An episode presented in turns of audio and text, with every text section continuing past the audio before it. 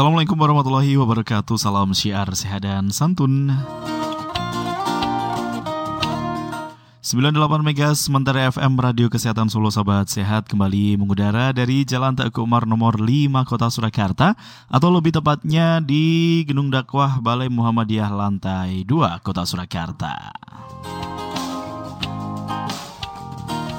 Selamat siang sahabat sehat. Wah, masih ada Ridwan Syafiq yang menemani istirahat siang Anda dan menghiasi ruang dengar Anda kali ini di hari Sabtu, tanggal 4 Zulhijjah 1441 Hijriah atau bertepatan dengan tanggal 25 Juli 2020 sahabat sehat. Seperti biasa kalau di hari Sabtu siang Ridwan menemani dengan lagu-lagu mancanegara gitu sahabat sehat ya. Nah, kalau Ridwan sudah menemani dengan lagu-lagu mancanegara, saatnya ini di setengah dua ini sampai nanti setengah tiga sore akan hadir program acara Suara Milenial Sahabat Sehat ya. Ini Ridwan menghadirkan dua narasumber hebat, pemuda-pemuda Muhammadiyah yang hebat, Sahabat Sehat ya. nah, banyak tema yang kita bahas Sahabat Sehat ya mengenai permasalahan pemuda. Kemarin terakhir kita membahas mengenai penting nggak sih tren gitu kan, mengikuti tren itu penting nggak gitu ya. Nah, di siang hari ini tidak kalah penting juga gitu kan bahasan kita mengenai uh, permasalahan pemuda, permasalahan remaja saat ini yakni rasa cemas terhadap masa depan sebenarnya wajar nggak sih gitu ya. nah sudah ada dua narasumber kita di bukan narasumber ya Uh, berat banget kayaknya narasumber ya. Oh apa ya sharing-sharing lah teman sharing, sharing aja teman lah. sharing ya, lah ya. Oh, oh, teman ini sharing aja. Teman sharing yang pertama ini kita sapa dulu assalamualaikum selamat siang. Ada Mas Abdul Afif Amrullah ini mahasiswa psikologi UMS. Ya. Assalamualaikum Mas Afif. Waalaikumsalam warahmatullahi wabarakatuh. Semangat dong. Uh, ya semangat. Ah gitu. ada juga ini uh, temannya Mas Afif. Nah, ini ada Mbak Nuril Arga Roshida. Ini mahasiswa psikologi juga di UMS. Ya Mbak Arga ya? Iya. Ya. ya. Assalamualaikum, selamat siang. Waalaikumsalam. Uh, uh, kecil banget suaranya. Waalaikumsalam, ah. selamat siang juga Mas. ini apa apa namanya sebagai perwujudan lagi cemas atau gimana suaranya ikut kecil ini Mbak Arga? Adaptasi mas. Oh adaptasi ya. Uh -uh. Kalau Mas Afif kan udah beberapa kali gabung sama Aduh. kita kan ya. Uh, dan ini suaranya udah uh, udah diapali sama sahabat sehat semuanya ya. Nanti teman-temannya boleh ikut gabung ya uh, sahabat sehat semuanya, teman-teman Mas Afif dan juga Mbak Arga bisa gabung di WhatsApp di 08999349800 atau mau sekalian telepon juga boleh di 665500. Juga Uh, bisa di live nggak sih ini di Instagram? Enggak ya? Belum mas. Belum ya.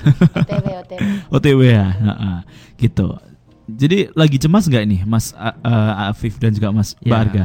Sedikit sih mas. Sedikit, ya? sedikit ya. Uh, uh. cemas. Tapi pasti ada ya rasa cemas tuh ya di remaja ya. Uh, pasti sih, masa kalau manusia kayaknya cemas sih mas. oh gitu ya, karena manusiawi ya manusiawi Mani, manusiawi tapi normal nggak sih wajar nggak sih sebenarnya rasa cemas di usia seperti sekarang ini uh, wajar nggak wajarnya kita harus bahas dulu nih berarti mas. Oh kita gitu. Jadi wajar nggak? Wajar nggak? Uh, bisa wajar bisa nggak gitu ya? Ya nanti ah. kita bisa simpulkan bareng-bareng gitu loh mas. Oh baik boleh nanti kita uh, apa pelajari lebih lanjut lah ya Waduh, tentang pelajari. pelajari. kita nanti berbagi lebih lanjut mengenai sebenarnya kewajaran rasa cemas ini menjadi wajar seperti apa dan tidak wajarnya seperti apa gitu ya. Mm-mm. Bagi sahabat sehat yang ingin gabung atau memiliki kecemasan yang sama, bolehlah gabung sampai nanti jam setengah tiga sore.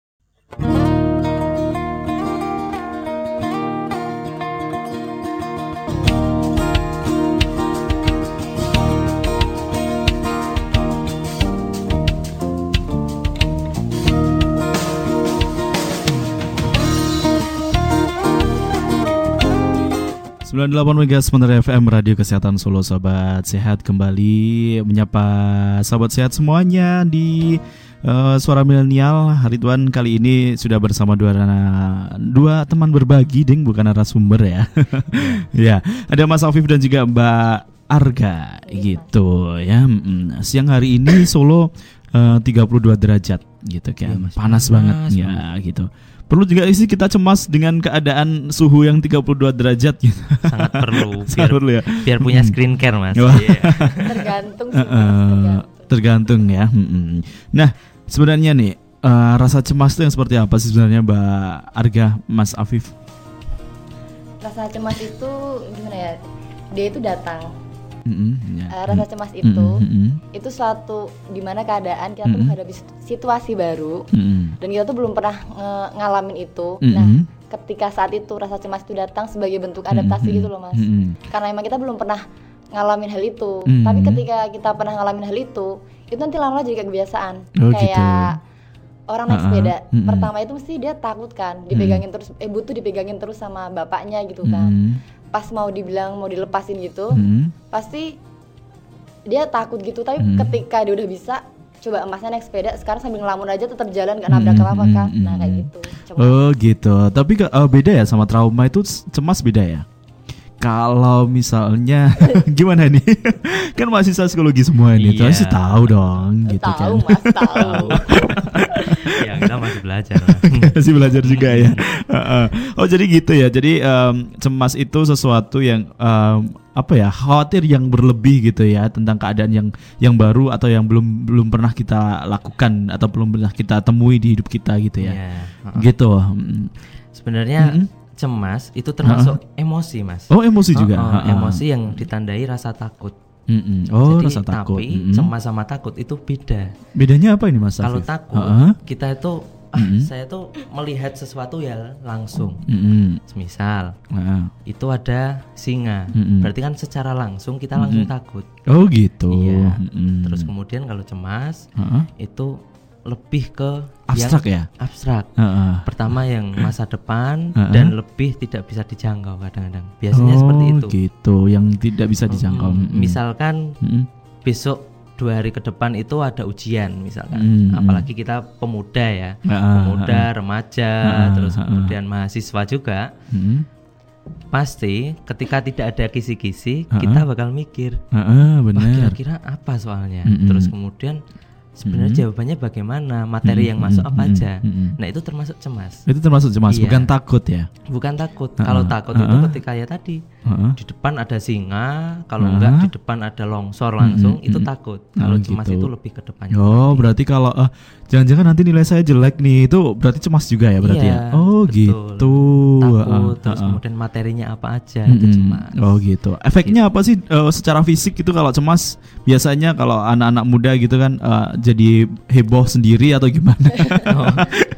Sebenarnya kalau dampak fisiknya ya mas ya, cemas kalau secara langsung kita sadari Mm-mm. itu pasti detak jantung kita Mm. apalagi kalau kayak gini Ah, ini kan kan. kadang-kadang cemas juga cemas. ah, Nah, ah, cemas juga ya. itu detak jantungnya meningkat terus kemudian kadang-kadang keringetan untungnya ini ada AC terus kemudian nafasnya juga terengah-engah Hmm, itu itu paling yang Mm-mm. terdekat Oh gitu. Iya.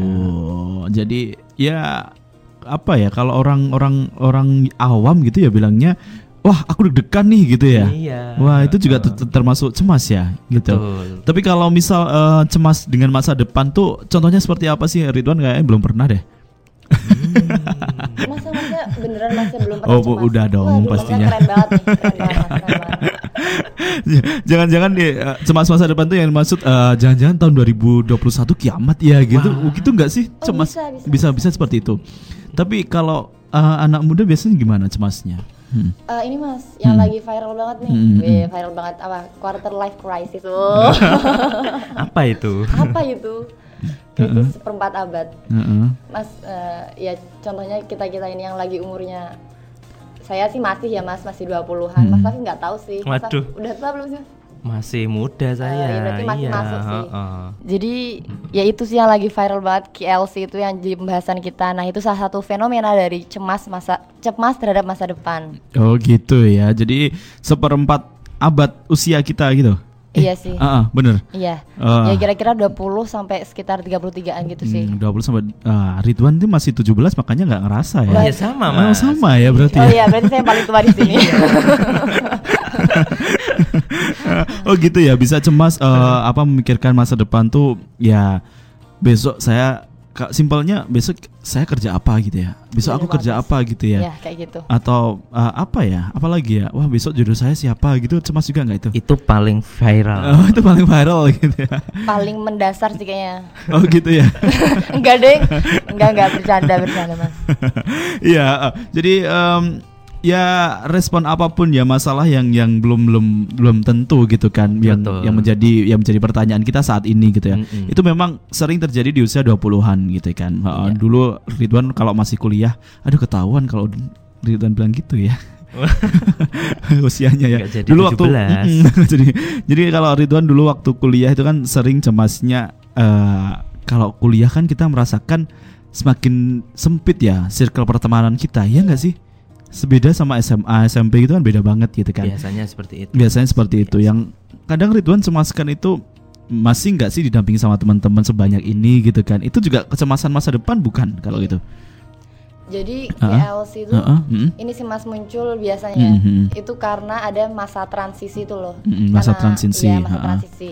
Kan dulu sebelum 20-an berarti kita SMA ya kira-kira ya.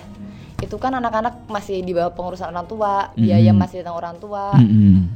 Eh, jarang sih anak SMA biaya sendiri. Mas, tapi Mhm. kalau kuliah kan kebanyakan dia Anu tuh- freelance apa gitu Iya, kali kadang dia- ya. Kadang kuliah tuh Heeh. pada pilihan gitu kan buat Heeh, dia. heeh, heeh. Kalau nggak dia bayar sendiri, ya orang tua nggak akan ngebiayain. Mm, Itu salah mm, satu mm. sih. Mas. Ya, jangan curhat Mbak Arga. Oh, eh, maaf, maaf. Kayaknya dia curhat, Mas. Maaf, ya nggak, kayak gitu sih. Lah masalah transisi kayak gitu yang akhirnya di mana kita itu ngerasa nggak bisa bergantung ke siapa-siapa lagi kan. Hmm, benar, Nah, benar. Rasa transisi itu sih mas. Nah gitu. Itu itu uh, kembali ke perkataannya Mbak Arga tadi berarti cemas it- uh, cemas di masa depan itu karena uh, apa namanya adaptasi kehidupan yang baru yang dulunya itu masih bergantung orang tua. Akhirnya di ta- di usia selanjutnya kita harus berdiri sendiri, menghidupi diri sendiri itu juga bisa ya. Bisa. Uh, bisa seperti itu. Tapi bahaya nggak sih cemas untuk masa depan? Bahaya nggak sih mas Afif? Hmm, bahaya. Bahaya. Aduh. Enggak lah, Mas. Oh enggak. Jadi Gimana nih bahaya atau enggak nih? Ada dua. Ada dua. Ada oh, dua. ya Yang udah nanti pertama. nanti kalau Oh, na- iya. nanti kalau eh, apa namanya kalau ada dua kita bahas satu-satu dulu ya. Oke. Oke, kita dengarkan lagu dulu biar nggak apa namanya down, cemas. nggak cemas gitu kan ya. Ada One Direction dengan Track Me Down spesial untuk anda sahabat sehat.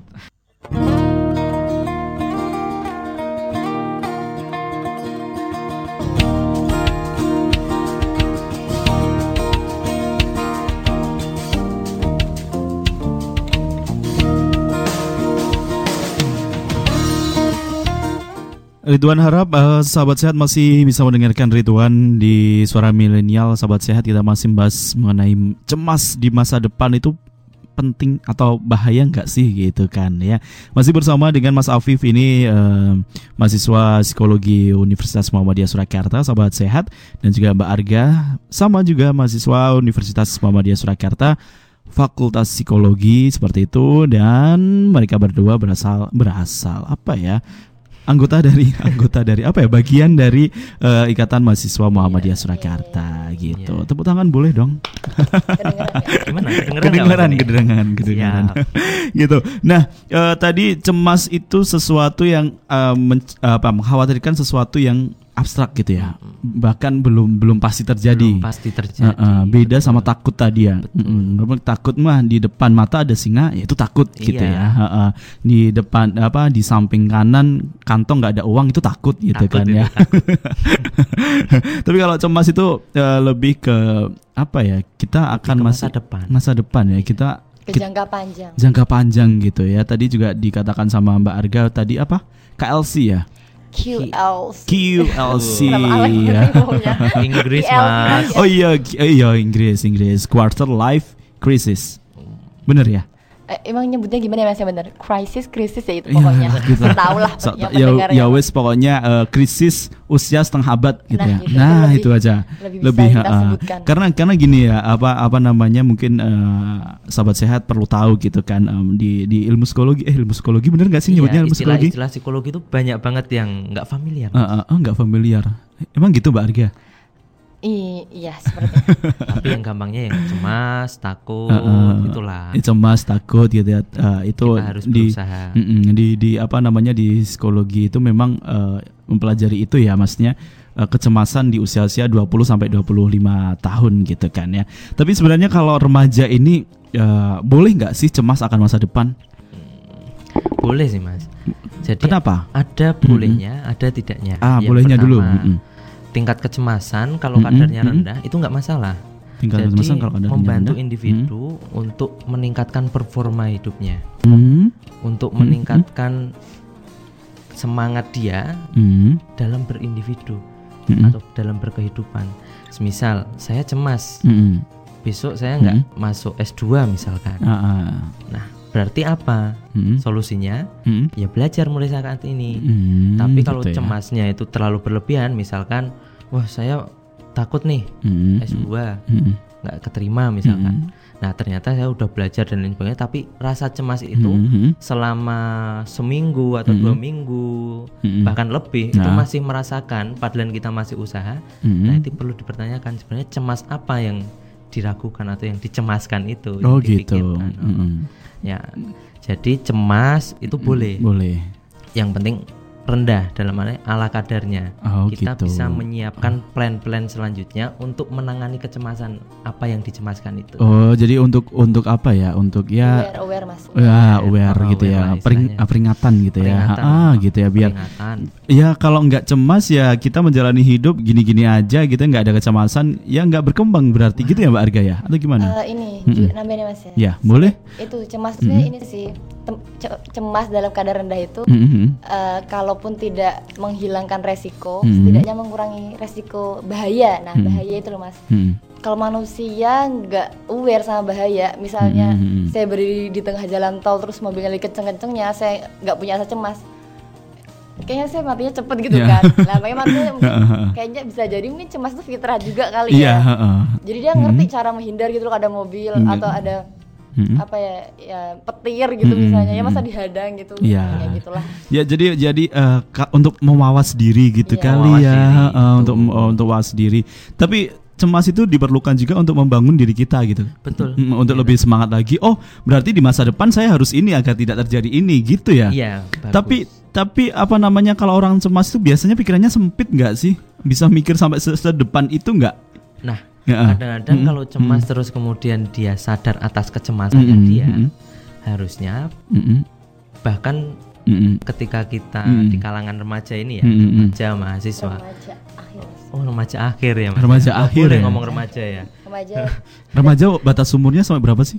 karena kita bahasnya KLC ya mas Ah, ah. tadi rentangnya 20 sampai 33 kira-kira ya Ah, itu berarti kalau di psikologi Ah, ah. maksudnya remaja Akhir. akhir, ah. dewasa awal Awal. Mm. Oke.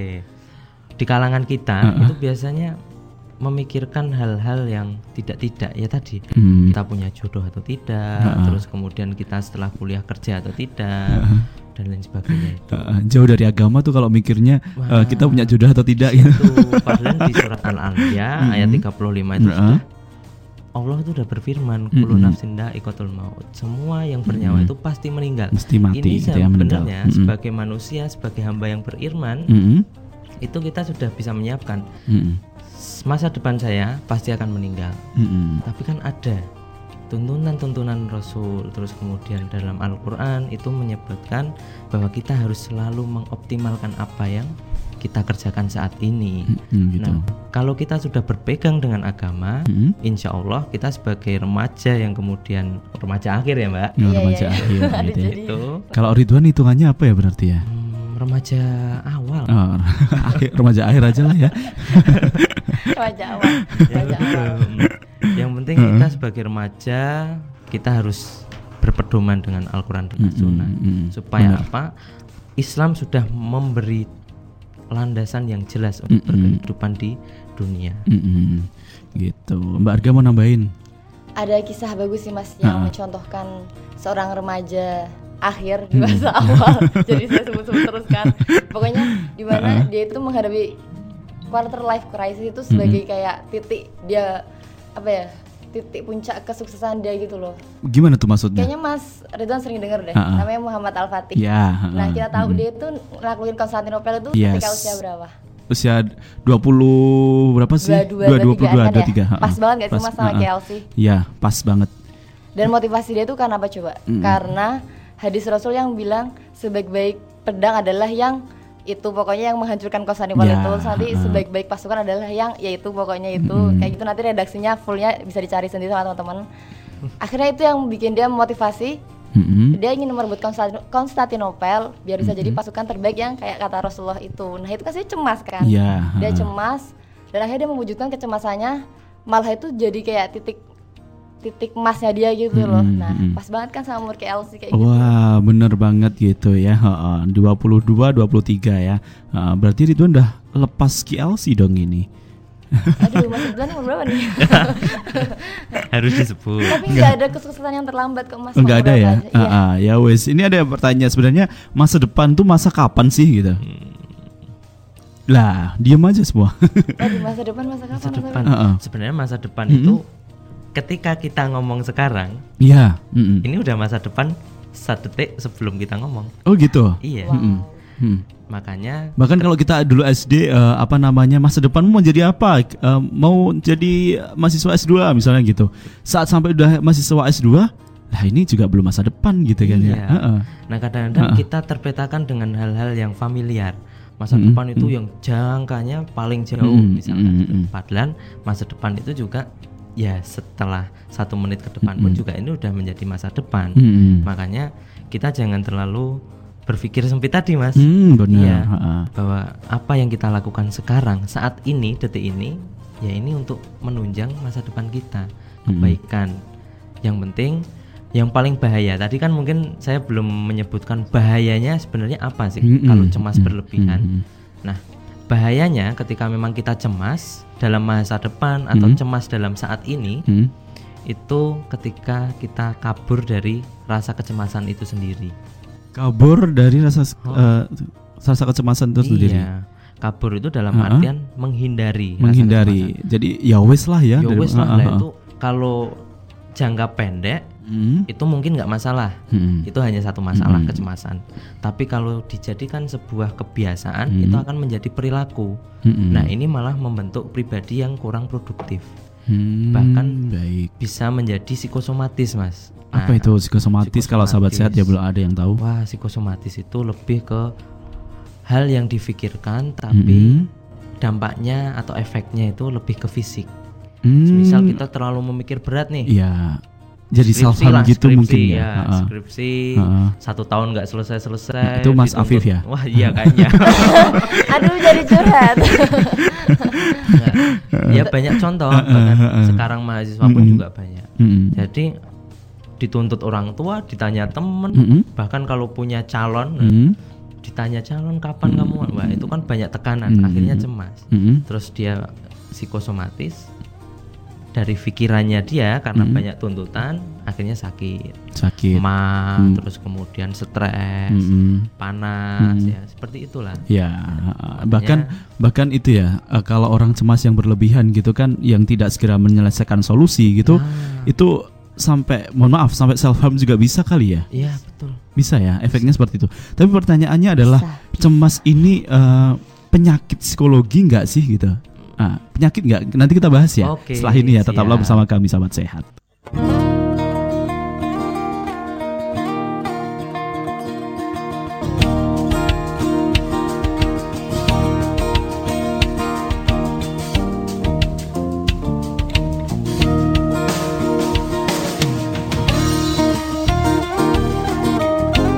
Masih bersama Ridwan Syafiq bersama dengan eh, Mas Afif dan juga Mbak Arga mahasiswa psikologi Universitas Muhammadiyah Surakarta juga dari Ikatan Mahasiswa Ikatan Mahasiswa Muhammadiyah Kota Surakarta sahabat sehat ya. Ternyata permasalahan anak muda bukan hanya mengenai eh, harus ikut tren atau tidak gitu, tapi Iya. anak muda juga ada yang memiliki rasa kecemasan untuk dirinya sendiri ya. Wah iya. Apakah betul. nanti bagaimana dan lain sebagainya itu disebut dengan mau pakai anu apa namanya? Khi. Indonesia. pakai ain nggak ya?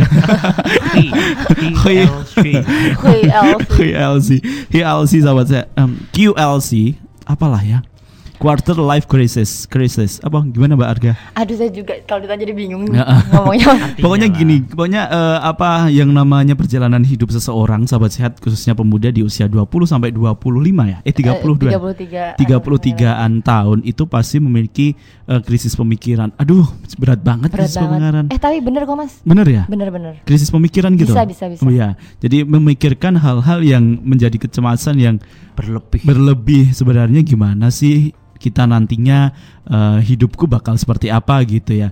Tapi sebenarnya itu wajar gitu kan, menjadi kewajaran karena eh, kita harus seperti itu untuk me- mem- memikirkan hidup kita dan tahu langkah dalam hidup kita gitu kan. betul iya Gitu nggak Mas? Mbak? Gitu ya. Tapi bahayanya adalah kalau sampai kita kabur gitu ya. kabur Mm-mm. terlalu memikirkan hal-hal yang Ah. tidak tidak dan bahkan tidak logis kadang-kadang kan Mm-mm. kita sering nonton film Ah. bahkan media sosial Mm-mm. itu bisa mendukung untuk cemas yang tidak tidak mas Mm, cemas yang apa tuh yang cemas yang tidak tidak Yang Mbak tidak- Harga tidak. Mas Afif? yang tidak tidak Ah. itu intinya nggak nggak logis lah Nggak logis. nggak logis. Semisal kita Apakah kita akan bertemu alien? wah iya itu juga mas ataukah itu. kita akan eh, meninggalnya di anu tonjok oleh Saitama gitu? Itu misalnya. biasanya yang suka-suka nonton-nonton anime. Apakah kita bisa seterkenal Atta Halilintar gitu? Oh, itu kali ya. Itu itu nggak itu nggak logis ya ya kalau itu logis Kalau nggak pernah buat vlog ya nggak bakal terkenal gitu maksudnya. gitu ya jadi sampai sampai seperti itu ya. Tapi yang menjadi pertanyaan adalah eh, cemas ini di usia atau KLC ini bisa menjadi sebuah penyakit psikologi nggak sih Mbak Arga? Penyakit eh, sebenarnya bukan karena ini sih Mas, bukan karena masa dia dua, umur 20 apa di rentan umur itu, tapi karena bisa jadi cara dia menangani kecemasannya Mm-mm, kayak gitu-gitunya mm-mm, sih. Jadi lebih ke orangnya bukan karena kondisi dia dalam rentang umur itu akhirnya apa namanya jadi penyakitnya Mm-mm, gitu bukan mm-mm. tapi karena dia cara menghadapi rasa cemasnya dia itu Hmm, sih. bukan berarti bukan KLC-nya tapi eh, bagaimana orang ini menanggapinya gitu ya KLC itu kan fenomena kan Fenomena, Mas. ha-ha. Maksudnya itu salah satu faktor yang bikin Mm-mm. orang cemas. Mm-mm. Tapi kalau ditanya apakah cemas itu bahaya, bahaya gitu ya itu kan berarti karena orangnya yang menghadapi rasa cemasnya itu loh. Mung- berar- berarti bisa dong Mbak Arga dan juga Mas Afif memberikan eh, apa ya semacam buka ya tips, Tips, gitu ya. ya. semacam tips saran gitu bagi eh, kita kita nih yang usianya masih di 20 20 23 gitu kan Aduh, aduh. Eh, eh, untuk apa ya menangani KLC itu sebenarnya gimana menangani krisis pemikiran di usia 20-an gitu Waduh, krisis pemikiran Mas. Ah. atau ya ya eh, gimana ya meng- menanggapi KLC gitu harus gimana sih Eh, ini sih. Aduh. Menanganinya ya. Mm-mm. Karena apa namanya? Salah sa- salah satu yang bikin kita cemas itu kan tentang masa depan kan yang kita bahas ya. Mm-mm.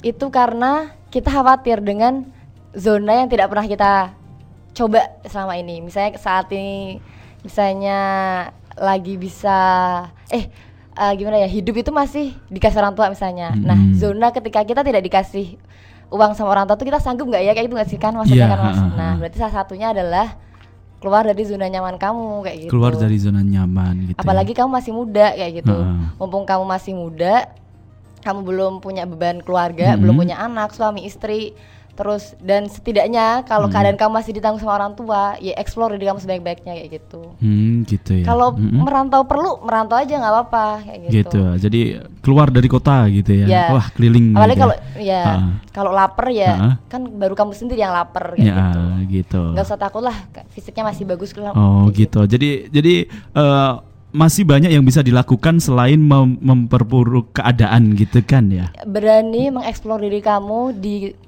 apa di hal yang paling nggak kamu berani gitu loh mas gimana ya kamu jangan nyaman sama keadaan kamu saat ini gitu Oh, gitu. Boleh lah ya. Misalnya Ridwan udah nyaman banget nih jadi penyiar gitu ya. Oh boleh mungkin Boleh. mau coba jadi Atta Halilintar bisa kali Bisa aja gitu ya. Subs- subscribe-nya banyak mas Ah, gitu.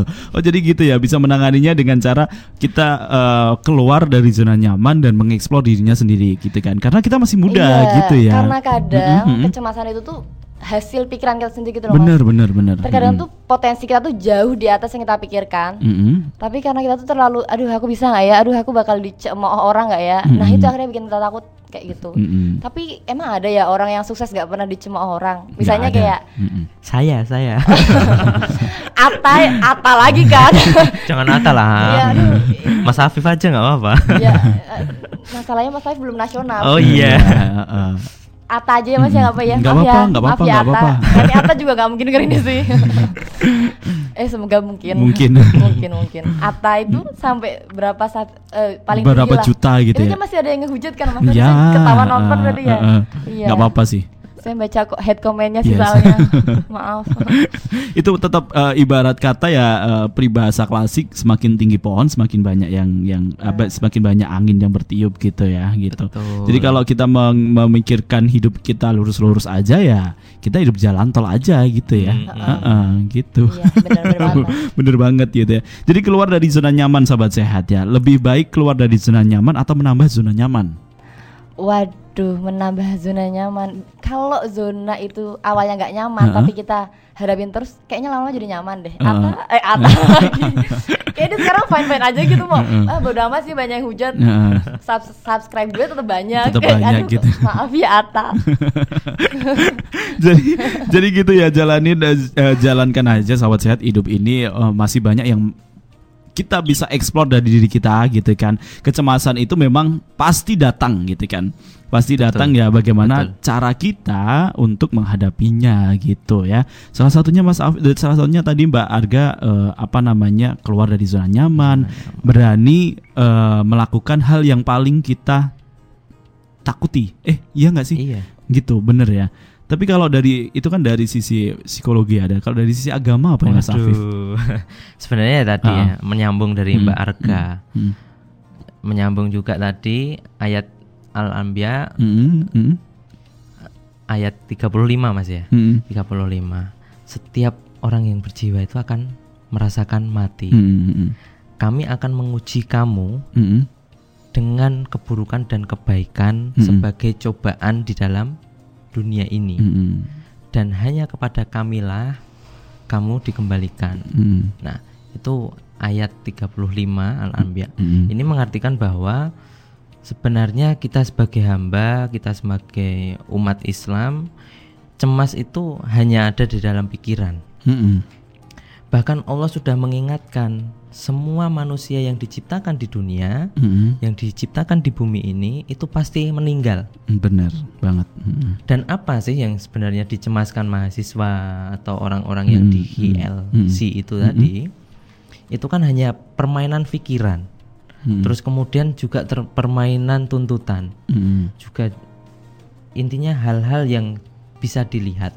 hmm, Nah, padahal Allah sudah mengingatkan setiap insan, setiap hamba yang diciptakan diturunkan di dunia pasti akan diuji oleh Allah. Yang kemudian entah itu baik, entah itu buruk. Hmm, untuk meningkatkan ketakwaan hambanya. Enggak Jadi secara agama Al-Qur'an, hadis itu sudah mengingatkan kita sebagai hamba untuk selalu produktif. Hmm, hmm, dan setiap apa yang kita lakukan harus kita sadari. ya. Makanya pernah ada hadis Bukhari, kullu amrin dibalin la yubda'u fihi bi bismillahirrahmanirrahim fahuwa ajron. Setiap perilaku, setiap perlakuan apa yang kamu lakukan harus dimulai dengan bacaan Dan basmalah Bismillah gitu ya supaya tidak sia-sia. Karena apa? Ketika memang kita tidak menyadari hal yang kita lakukan berarti kita tidak mengucapkan bismillah. Nah, Mm-mm. di sinilah Islam itu sudah mengatur sejak kita tidur sampai tidur lagi Tidur lagi. gitu heeh. bahkan bangun itu wes kayak gitulah. iya Intinya heeh. betul bahwa kita setiap perlakuan harus secara sadar supaya mendapat pahala dari Allah juga dengan kebaikan sesama. Har- harus bisa Betul. diri tadi ya gitu ya. Jadi kesadaran ada sia-sia. Bahkan diingatkan juga di Al Imran ayat 139 Mm-mm. wala tahinnu wala tahzanu wa antumul a'lan a'launa in kuntum mu'minin. Mm-mm. Jadi janganlah kamu bersikap lemah Mm-mm. dan janganlah pula kamu bersedih hati. Mm-mm. Padahal kamulah orang yang paling tinggi derajatnya jika kamu orang-orang yang beriman. Iya, kesimpulannya di akhir itu ya. Iya. Orang-orang beriman, itu tadi. Beriman. Hmm. Jadi Harusnya kita kalau dia beriman, kita beriman, Mm-mm. nggak ada cemas. Ya cemas. cemas itu udah nggak menjadi masalah beban hidup kita. Iya, cemas. Ya, ya cemas ya perjalanan Cemas, hidup nggak ya. masalah Heeh, nggak gitu. masalah gitu. Menjadi masalah kita. Heeh. Kita cukup bersyukur Mm-mm. pun juga tadi berusaha Mm-mm. semua dengan niat. Ya, Hmm. Itu sih Mas untuk pengingat kita lah jangan Ya, gitu ya. Adem banget ya rasanya ya. Eh, aduh, dapat Ada AC kok mas. Kayaknya seperti itu Mas. Aduh, Mbak Arga ini saya ingin membantu eh, temannya agar terlihat lebih eh, apa namanya keimanannya lebih tinggi gitu ya. Insya Allah, insya Allah. Nggak usah diragukan lagi. Insya Tidak usah diragukan lagi gitu kan. Amin ya Allah. gitu. Jadi eh, dari sisiologi ya kita harus eh, mantap diri bahwa kita ini yang namanya KLC atau rasa cemas itu pasti datang kita gunakan sebagai untuk mempersiapkan masa depan gitu kan ya. Lebih lebih bisa mempersiapkan oh berarti kalau saya cemas seperti ini apa yang harus saya lakukan gitu ya Iya. untuk sadar gitu Betul. kan ya. Itu dan Penting tetap produktif. Apa? Produktif lah. Ah. Iya, produktif. produktif tadi. Produktif itu ya salah lah. Rugi Mas. Iya. Cemas. Oh cemas. gitu ya. Eh, sebelum kita eh, menutup eh, apa namanya perbincangan kita siang hari ini, sahabat sehat ya. Mungkin ada pesan, kesan. Oh ada satu pertanyaan ternyata. Satu Aduh. lupa tadi Ridwan. Bagaimana sih cara kita mengatasi cemas tanpa menyepelekan permasalahan yang terjadi? ya. Salam buat Mas Mbak IMM yang keren-keren semua. Masya Allah. Dari Ah. siapa itu Mas? Dari siapa ya? Eh, dari Rara katanya. Oh Rara. Iya. Oh Rara, halo Rara. Emang kamu kenal? kan itu pendengar setia Mm-mm. 98.00 Heeh, heeh. Sahabat FM. sehat. sahabat sehat. Sahabat sehat. Mm-mm. Gimana nih? Kita cemas tapi tidak eh, menyepelekan permasalahan yang sedang terjadi.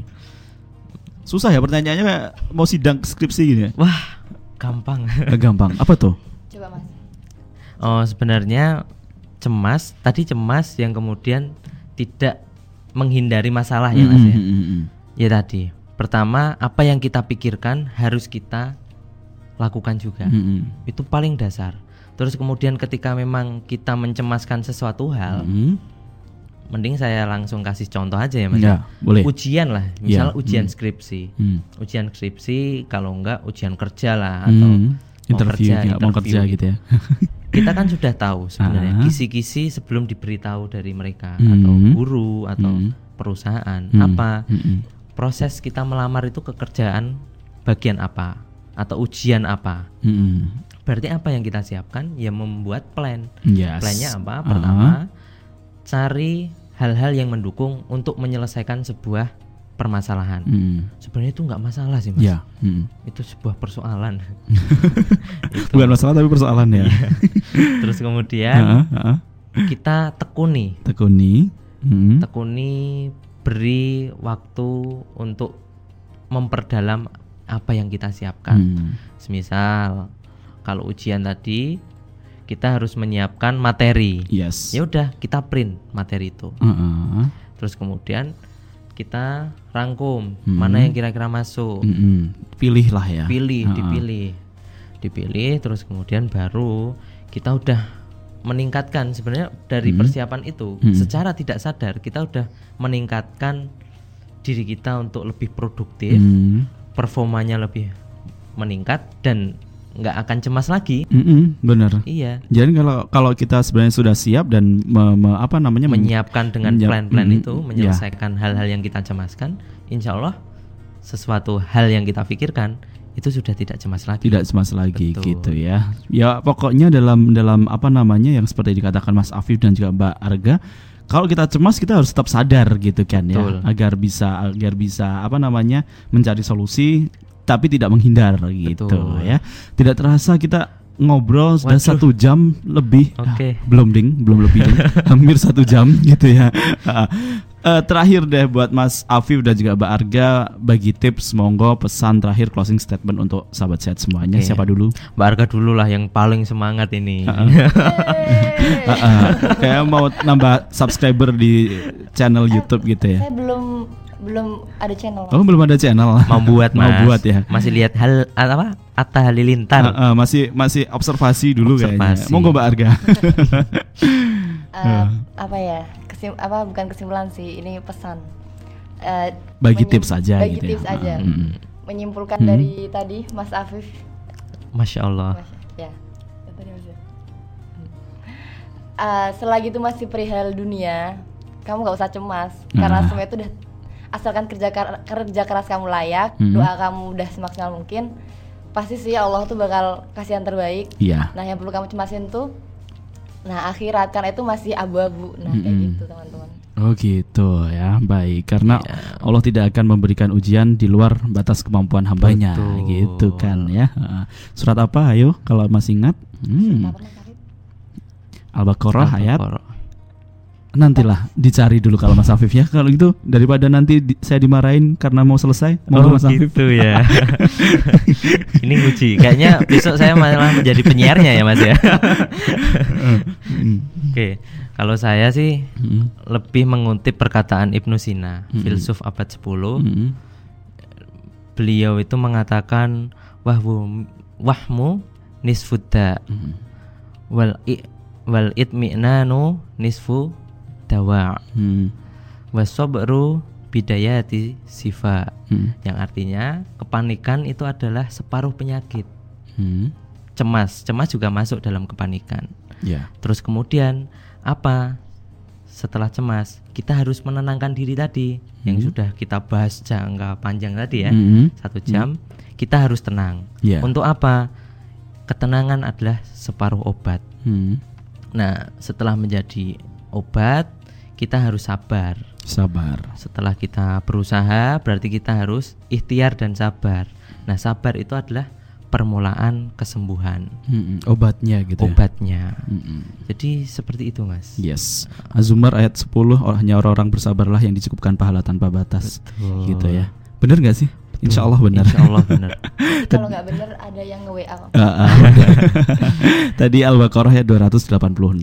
Ya, ah, gitu. Terima kasih Mas Afif dan juga oh siap eh, Mbak siapa? Arga. Mbak Arga Eh, apa namanya Ridwan tadi mau bilang Mbak Ata loh. wah karena dia ngomongnya Atta Halilintar terus mas Ya, Ria Ricis, Ria Ricis. Oh dia Ricis boleh lah ya Terima kasih untuk eh, Mas Afif dan juga Mbak Arga Iya. Halilintar yang sudah memberikan sharing, yang sudah sharing-sharing semoga eh, kita berarti doanya kita hari ini bukan semoga kita terhindar dari cemas tapi semoga kita bisa mengatasi cemas dengan baik Amin. gitu demi the, eh, apa namanya the brighter future gitu ya. Allah. Waduh masa Betul. depan yang gemilang gitu ya seperti Leodra gitu gemilang Was. di hatiku gitu ya. Terima kasih eh, Mas Afif Ya, dan juga Mbak Arga sama-sama, semoga Mas bermanfaat Ridwan. bagi semuanya kemudian dihitung pahala oleh Allah Subhanahu wa taala siang hari ini. Amin Assalamualaikum warahmatullahi wabarakatuh. Waalaikumsalam warahmatullahi wabarakatuh